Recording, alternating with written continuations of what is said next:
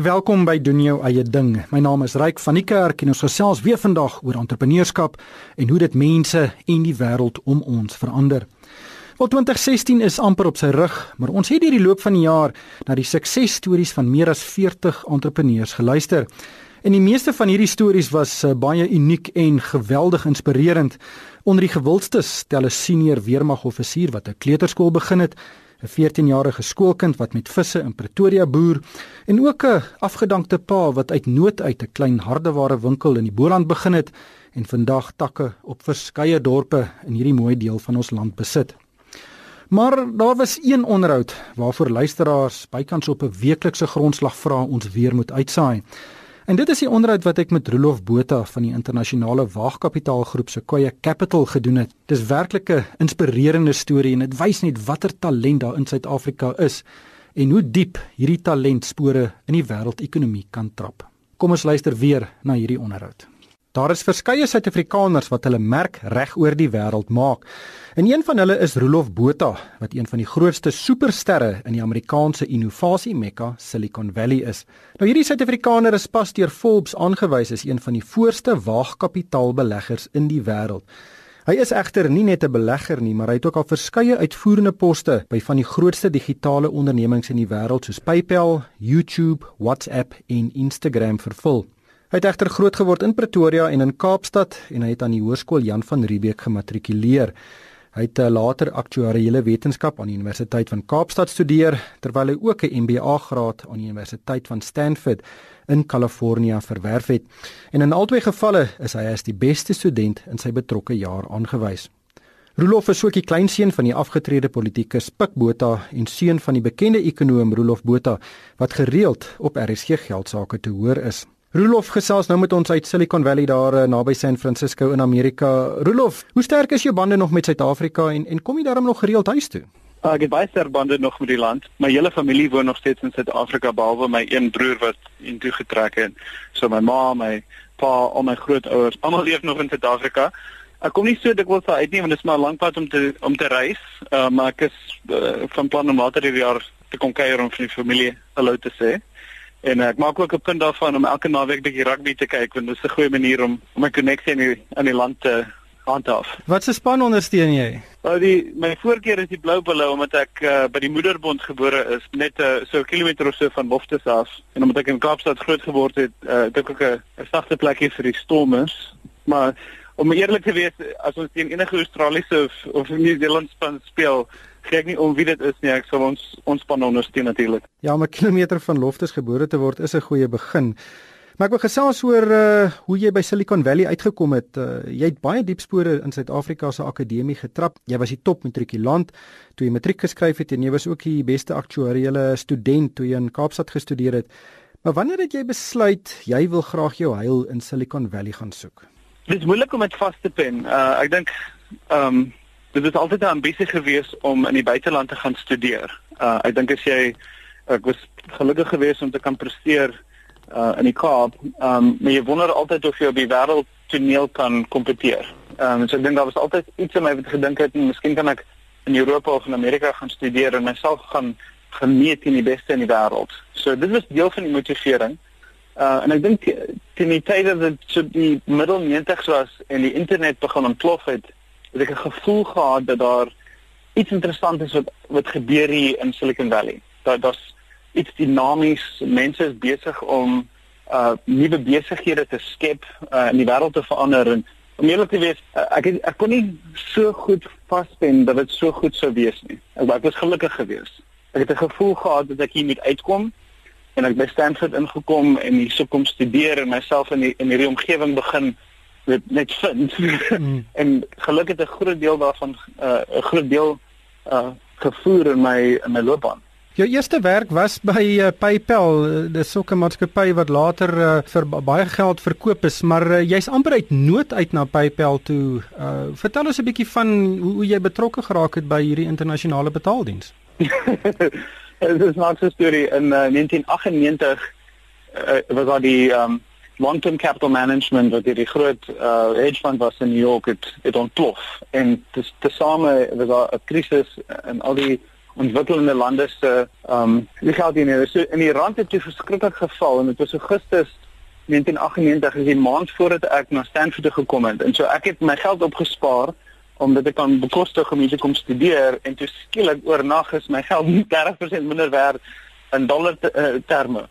En so ek basies het, het ek nie my geld oorgehad in my tweede jaar van studies nie. Ehm um, ek het reeds geld geleen by my by my vriende en by my vriendin en familie en ek kon net nie deurkom nie. Toe ek uiteindelik my derde aanbod aanvaar om by die maatskappy aan te sluit deels omdat ek uh nie genoeg geld gehad het om my rente die volgende my my huurgeld, ek kon nie ek het genoeg gehad om my huur te betaal die volgende maand nie. Maar so, dis 'n ongelooflike storie, maar jy het daar ingestap en jy was baie vinnig eintlik een van die baie senior mense daar. Wat het gebeur? Hoe het jy eh, wat het jy reg gekry om so vinnig in daai maatskappy te groei? Ek dink altyd dat jy het geluk het 'n groot deel daarin het ek daar aangekom in die maatskappy het nie iemand gehad wat die leierskap geneem het om 'n om 'n finansiële model te bou om uit te figure presies hoe die maatskappy 'n groot besigheid gaan word nie. So PayPal was reeds 'n goeie diens en het baie verbruikers gehad, maar daar was nie 'n besigheid nie. En ek het daar ingestap en gesien dat niemand hierdie werk gedoen het nie. Ek het net die inisiatief gehad om om 'n model te bou en met die bestuurspan te begin praat om hulle te, jy weet, om hulle te help om besluite te maak sodat ons dit 'n besigheid kon maak. En dit is een van die dinge waarvoor ek baie soek as ek uh, mense nou werf vir hierdie maatskappye waarmee ek betrokke is is dit is dit iemand wat sit en wag vir instruksies of is dit iemand wat die wat die inisiatief neem 'n probleem sien en dit gaan oplos. Want jy het 'n talent om regtig klein besighede raak te sien wat baie groot gaan word. Dit is uh WhatsApp, Facebook, uh daar's ook 'n hele weet PayPal is eintlik ook 'n baie baie goeie voorbeeld. Dit in die internet het 'n interessante dinamika, weet of jy kry groot reuse uh soos Google en YouTube uh, en maar meeste van jou internetbesighede sukkel maar. Wat is die sleutel om die regte besighede raak te sien om in te belê? Ek dink eh, ou gedagte dat ons baie foute maak. as jy weet as as jy 'n paar maatskappye waar ons moes belê het, waar, waar ons nie ons het dit nie so goed gesien nie. Jy weet ons kon nie die, die toekoms sien soos die stigters van die maatskappy dit artikuleer het nie. En weet baie van die maatskappye waar ons belê um, is nie suksesvol nie. So ja, dit, ek dink dat daar's baie militeit in ons besigheid en ons maak baie foute. Maar jy weet ons ek dink ons het 'n goeie vermoë om sommige van die ons het 'n vermoë om die toekoms te kan deel met die stigter. Die, die ding wat interessant is van hierdie hulle noem hulle founders, dit is stigter is seker die beste, beste Afrikaanse woord. Is hulle het almal geneigtheid om die, om die toekoms te sien voor die res van ons dit kan sien. Met hulle sien hoe die wêreld gaan lyk in 2020 of 2025.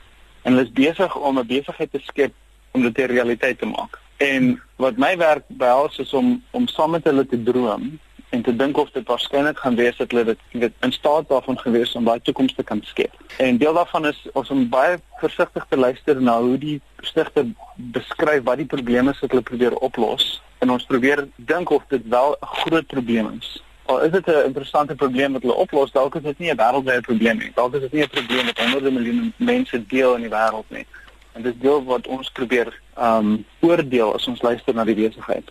Die spoed waarteen ons nuwe innovasies sien is is besig om geweldig te versnel. Ons sien amper daagliks nuwe tegnologie wat ons lewens gaan verander. Kan jy vir ons miskien in uit jou perspektief uit sê hoe hoeveel gaan die wêreld oor die volgende 20 tot 30 jaar verander uh, teenoor wat ons nou sien? Ek dink jy's absoluut reg. Jy, jy, jy het eintlik die woorde gesteel wat ons gebruik in sommige van ons voorleggings wat is in Engels is nou the rate of change is accelerating. So die wêreld verander nie net nie, dit verander vinniger. Presies wat jy gesê het. En as gevolg daarvan dink ek die wêreld gaan teen teen en baie anders lyk. En deel daarvan is dat tegnologie is op 'n eksponensiële kurwe, die, die vordering in tegnologie. En ons brein het, het nie ontwikkel om eksponensiële groei um dit is nie intuïtief vir ons nie, vir die mensebrein nie. So dit vir jou sê dat um oor 10 jaar gaan 1 1000 dollar rekenaar dieselfde krag hê as een mensebrein, so dit moeilik wees vir hom dit te glo. En dan sê ek vir jou dat in 2045 sal 1 1000 rekenaar dieselfde breinkrag hê as al die mense in die wêreld te gesame. En dis die tipe ding wat baie moeilik is vir ons om om te aanvaar. En as ek vir jou 10 jaar gelede gesê het dat daar karre gaan wees in hierso in Silicon Valley wat heeltemal op hulle eie 100 100 myle ehm um, bestuur. Sou jy my seker nie geglo het nie. Ek sou dit nie geglo het nie. Maar dit is 'n klein, jy weet, dit insa in hoe vinnig dinge gaan verander. So, jy weet dit is nou weet dit is een ding om dit te sê, maar weet die wat ons op die oomblik gesien het is dat baie van die grootste uitvindings wat ons vandag het en wat ons lewens verander was nie daar 10 jaar gelede nie. Ehm um, dit gaan ook nie 'n lineêre ontwikkeling wees van bestaande tegnologieë nie. So ons kan osself staal vir geweldige verandering in leefstyl en in die lewensomgewing oor so kort as 'n dekade. Ja, ek dink so. Maar jy dink met net die die bangste maak wat nie eintlik te doen het met ons besigheid nie, is wat ons doen met die wêreld en met natuur. En ek dink nie ons is in dink in geskiedenis en hoe die klimaat in die wêreld verander het, ehm um, kan dit baie skielik verander. Dit is geskiedenis as gevolg van meteoriete wat die aarde tref of wat ook al. En ek dink nie ons het 'n goeie skatting oor hoe vinnig die wêreld gaan verander nie. Dit laas twee weke gelede was daar die artikel dat uh, 93% van die korale by die Australiese Great Barrier Reef is gebleach. Ons is besig om die wêreld so vinnig te verander met 7 miljard mense op die planeet. Dis die ding wat my die bangste maak. Ek dink baie van die goed wat wat uit Silicon Valley uitkom al al bekommer sekere mense hulle oor artificial intelligence en sekere goed. Ek dink nie daai daai tipe dinge gaan groot dreig uh, bedreig nie ons lewe nie. Die natuur wat ons lewe gaan bedreig. Wel gepraat van die omgewing, uh, nog 'n Suid-Afrikaner wat sy merk daar maak in Silicon Valley en baie werk doen om groen tegnologieë te ontwikkel is Elon Musk. Uh, hy's ook natuurlik gebore in Pretoria. Het, het jy baie kontak?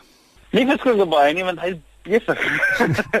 met ek ek, ek, ek dink aan die mense met wie ek werk dis genoeg van 'n uitdaging om een tegnologie net maatskappy te bestuur, maar om twee te bestuur en twee op die vlak wat hy moet bestuur is vir my my baie moeilik om te verstaan. Weet my dog vyf seuns, so hy het 'n groot familie ook uh waar my aandag skenk. So maar ek sien nog van tyd tot tyd. Hy het my natuurlik gewerf om by PayPal te gaan werk. So ek nog my oorspronklike aanbodbrief wat hy self geteken het. En my eerste lesenaar by die maatskappy was reg langs aan syne. En ek het onlangs met hom middagete gehad. So uh, hy's 'n baie baie interessante man natuurlik. Maar kom ons gesels ook 'n bietjie oor Silicon Valley. Ehm um, weet dis 'n dis vir baie mense voel dit soos 'n ander planeet as jy daar aankom want mense dink net soveel anders. Daar's baie amper tasbare innoverende denke in die lug. Hoe, hoe hoe sien jy Silicon Valley op die oomblik? Weet hoe kan 'n Suid-Afrikaner kom en sy merk maak soos wat jy en Elon dit op die oomblik maak? Is is dit regtig teen alle verwagtinge in of is daar 'n proses van hoe jy moet dink om daarin te pas? Dis 'n baie oop plek. En dit is ook op baie ander plekke in die res van Amerika. Dit baie mense, baie Amerikaners wat na Silicon Valley toe kom, voel asof dit buitelands is. Of is dit 'n plaaslike vlug wat hulle intoe bring want dit dit is so 'n dinamiese plek en is so anders as die res van Amerika. Dis dis so met metropool. Daar's soveel immigrante wat hier so is en dit dis deel van wat Silicon Valley so interessant maak. Ek dink iets soos 40 of 45% van die maatskappye waarin ons belê, het ten minste een buitelandse medestigter van van die besigheid. En mense wat uit die buiteland uitkom, dit sê natuurlik iets van hulle dat hulle dit hier gemaak het en dat hulle so ehm um, dit so gefokus is om om hier uit te kom. En as jy hier is dan dan dink jy tipies anders as die ander mense wat hier is. Ehm um, en dit is baie vrydend. jy is nie gebonde aan 'n aan gegeewe denkwese nie. So ek dink dit die, geleentheid is hier vir enigiemand. Uh ek dink dis hierdie plek is 'n meritokrasie soos geen ander wat ek al ooit gesien het nie. Ek dink dit is baie moeilik om uit te kom as gevolg van die immigrasiewette wat wat Amerika het. Maar as jy 'n kans het om hier te kan kom studeer byvoorbeeld, dink ek is dit 'n maklike manier om om in die land in te kom en jouself te kan bewys julle is 'n uh, weet 'n waagkapitaalbelegger en en julle sal aangewys uh, as van die beste waagkapitaalbeleggers in die wêreld en natuurlik in Silicon Valley beteken dit dat julle skryf die checks vir baie van daai ondernemings. Waarin belê julle op die oomblik? Uh julle verskeidenheid die maniere ons in ons besigheid ding is daar ehm um, ek wil maar die Engelse terme gebruik as verbruiker of consumer, uh, enterprise of besigheidskliënte en dan doen ons 'n klein bietjie uh healthcare. So ons ons is geïnteresseerd in in bioinformatics. Uh ek dink die die genetika is baie interessant en is meer 'n uh, informasietegnologie onderneming as 'n suiwer biologiese onderneming. Uh maar natuurlik die, die groot meerderheid van ons besighede wat waar ons belê fokus op goed soos uh, storage, networking, compute wat of sagteware wat gemik is op maatskappye. Dan byvoorbeeld ek sê die raad van 'n maatskappy met die naam MongoDB wat 'n nuwe tipe database is wat baie mense gebruik. Nou ons die ander helfte van ons portefeulje is, is meestal eindverbruiker besighede. So ja, YouTube byvoorbeeld waar ek betrokke was of WhatsApp waar ons belegger was. Intussen is daar ook maatskappye wat uh, op klein besighede mik. So ek is op die raad van 'n maatskappy met die naam van Square wat 'n betalingsdiens is wat oor 2 miljoen klein besighede in Amerika het as as hulle kliënte. Wat was 'n keerpunt in jou loopbaan sover wat jy nou regtig sien as 'n as 'n punt waar die die, die traject van jou ontwikkeling verander het? Daar was drie setel besluite of geleenthede. Die een was dat Elon en die ander ouens by PayPal iets in my gesien het en 'n kans gevat het op my al het ek geen werksondervinding in Amerika gehad nie. So dit was die eerste keerpunt wat my geleentheid gegee het om by 'n maatskappy soos dit te gewerk het. Die ander was ehm um, in my tweede jaar by PayPal, ehm um, net voordat ons die maatskappy noteer het, het hulle my die kans gegee om die hooffinansiële bestuurder van die maatskappy te wees. En uh, ek was 29 op daai stadium en ek was die hooffinansiële bestuurder van 'n biljoen dollar openbare maatskappy in Amerika en ek weet ek dink nie ek is eintlik reg daarvoor gewees nie. Uh en ek was dit was maar hard hard werk om om my kans uh, te verdien, maar jy weet mense was bereid om 'n kans te vat op my my toekoms. Die derde een was uh, Michael Moritz vir die die beleggers is by Sequoia en dat oorspronklik die beleggings gedoen het in PayPal, Yahoo, Google en hy het 'n kans gesien dat ek dalk 'n goeie vernoot sal wees by Sequoia Capital en hy hy het my die geleentheid gebied om om by Sequoia aan te sluit 13 jaar gelede. So ek probeer altyd daaraan dink as jy weet as ek jong mense sien wat talent het dan is ek baie geneig om hulle 'n kans te gee. Um dat ek probeer ek probeer teruggee waarvan ek uh, ek ek het eigenlijk geleenthede gehad met mense 'n kans gevat op my. So ek nie daar was nie 'n bewys dat ek bekwam was reeds vir daai rol nie. Maar iemand het gedink ek het dalk 'n kans om dit te doen. So ek probeer dieselfde doen aan ander jong mense. Het is daar enige Suid-Afrikaners uh, wat jy al so 'n geleentheid gegee het?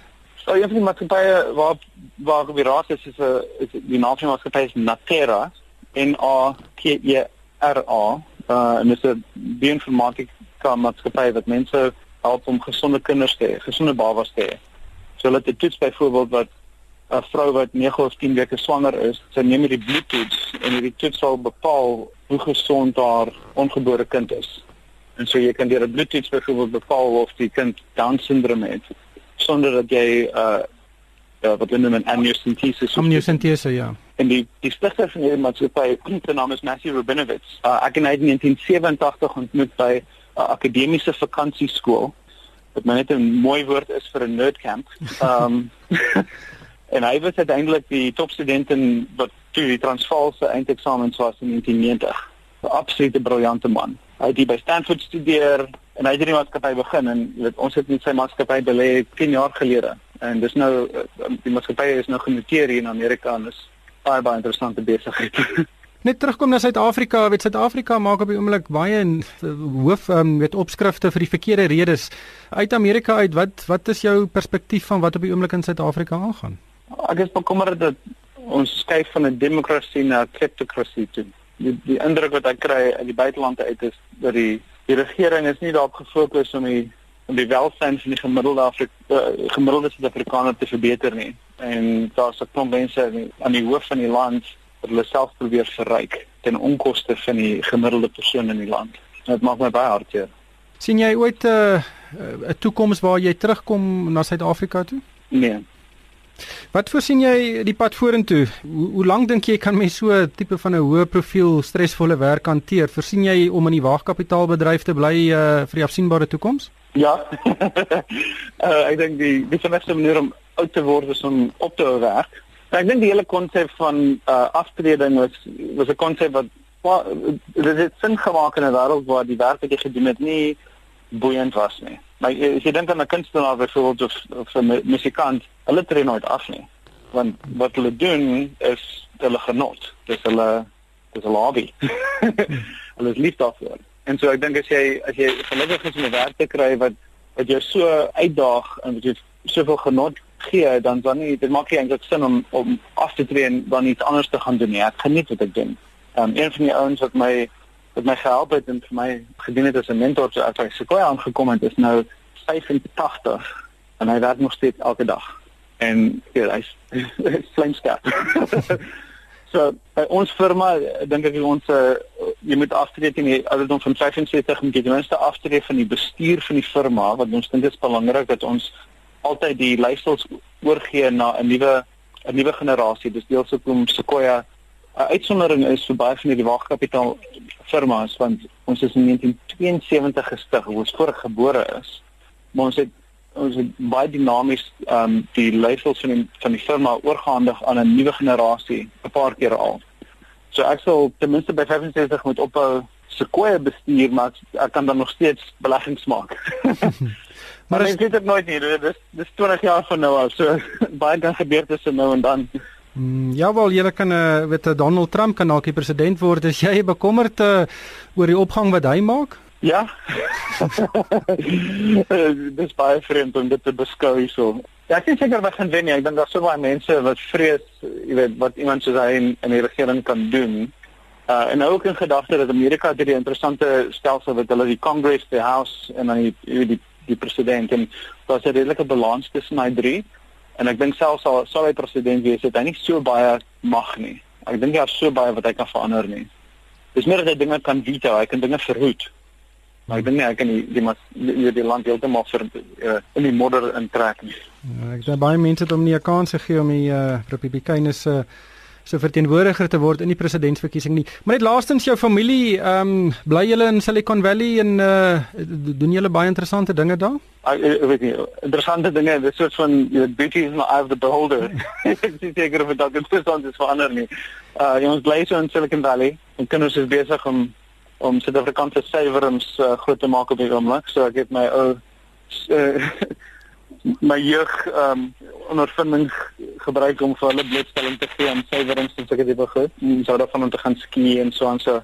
Weet jy, ek dink ons hou ons het ons het baie pret op naweke, maar meer op die wees, ek dink wat vir ons die meeste genot gee is om te lees. Uh so doen ons baie naweke waar ons hele familie soos van jy weet op 'n Saterdagmiddag vir 2 of 3 ure sit ons net almal in in lees interessante boeke. So Pra, praat julle nog Afrikaans in die huis? Wel my vrou is van Singapore af. Uh, Sy's Chinese. So Engels is haar tweede taal net soos my tweede taal is. So uh die dis moeilik vir die kinders om Afrikaans te leer in hierdie omgewing. Hulle ken 'n paar woorde. My seun is mal oor rugby, so hy kan weet hy het nou die dag vir die die span geskryf wat hy sou kies as die Springbok span op die oomblik en ek is beïndruk dat hy elke speler se naam behoorlik kan uitspreek. Uh, maar benewens dit ek dink stoutgat is seker die, die woord wat hulle die meeste ken. Rolof uh, regtig baie baie dankie vir jou tyd en uh, alle sterkte daar vir jou by jou en en Sequoia Capital. Baie dankie. Dit was dan die inspirerende verhaal van Rolof Botha van Sequoia Capital. En ek moet sê dis lekker om te sien hoe hy en ander Suid-Afrikaanse leiers hulle merk in die wêreld maak. Hooplik sal hy en van die ander ook weer hulle weg eendag terugvind na Suid-Afrika om hier 'n verskil te maak. Ek het natuurlik die onderhoud met hom in Mei vanjaar gevoer en dit is hoekom ons uh, oor Donald Trump se presidentskap gespekuleer het. Dit wys ook natuurlik hoe vinnig dinge in die moderne wêreld kan verander. En daarmee moet ek groet. Luisteraars is egter welkom om vir my 'n e e-pos te stuur. My e-posadres is ryk@moneyweb.co.za. Doen jou eie ding is weer terug op 24 Januarie om 12:30. Moet dit beslis nie misloop nie. En daarmee groet ek van my ryk van die kerk. Dankie vir die saamluister.